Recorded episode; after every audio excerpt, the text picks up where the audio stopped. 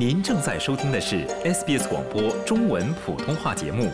更多节目内容，请浏览 sbs 点 com 点 au 闲斜杠 mandarin，或下载应用程序 SBS Radio App。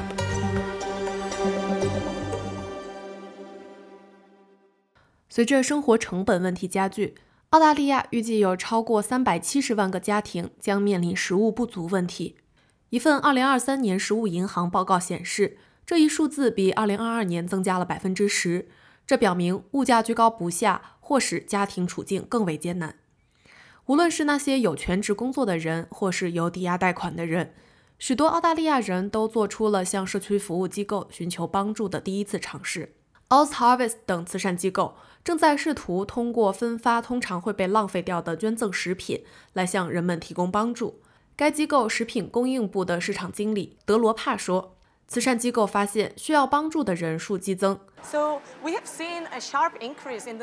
我们看到人数急剧增加，相比去年这个时候，前来向我们寻求帮助的顾客增加了百分之二十。也就是说，我们每周要接待大约两千一百名客户。我在 Oz Harvest 工作了五年，这是有史以来我看到过最糟糕的情况。”澳大利亚统计局消费者价格指数的最新数据显示，2023年第三季度的食品价格与去年同期相比增长了百分之四点八。一位面临食物不足的马先生说：“慈善机构对自己的家庭来说非常重要，因为物价上涨，他们不得不降低在饮食上所花的费用。如果没有 Oz Harvest 或教会给我们提供食物，我们就会挨饿。”当我们去超市购物时，我们支付的价格与其他人一样。我们无法在超市获得免费的瓜果蔬菜，因此我们必须做好打算，不然就少买少吃。因为现在在所有地方买东西都太贵了，我都饿瘦了。Oz Harvest 会从超市处回收未出售的新鲜蔬果，并将这些食品分发给全国各地的慈善机构。据估计，澳大利亚每五个购物袋中就有一袋会被浪费掉。每年会被浪费掉的食物约合七百万吨。悉尼 Oz Harvest 的顾客表达了对这些剩余食品的感谢，因为他们要为假期储备食物。一位名叫罗素的顾客表示，他希望看到更多人支持该慈善机构。Oz Harvest 给了我很大帮助，每周我都会来这里，这让我的生活变得轻松了很多。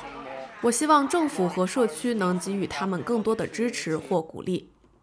与此同时，在这个假期，许多澳大利亚人正在改变他们的消费习惯，减少购买礼物。麦克唐纳是澳大利亚社会服务理事会的代理首席行政官，他正在与其他倡导者一起敦促联邦政府为低收入人群提供更好的支持。因为他们在这场生活成本的危机中被影响的最深。我们要求紧急增加收入补助金，使其与每天七十八澳元的养老金一致。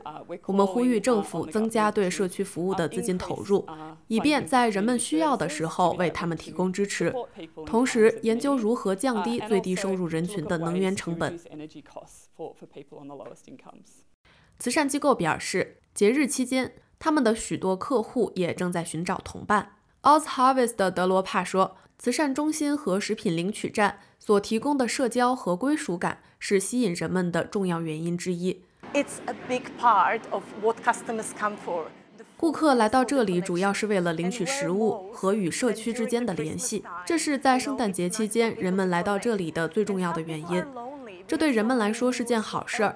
有些人很孤独，我们也有很多年迈的顾客。”想听到更多这样的故事吗？您可以通过苹果播客、谷歌播客、Spotify 或者您喜爱的方式下载收听。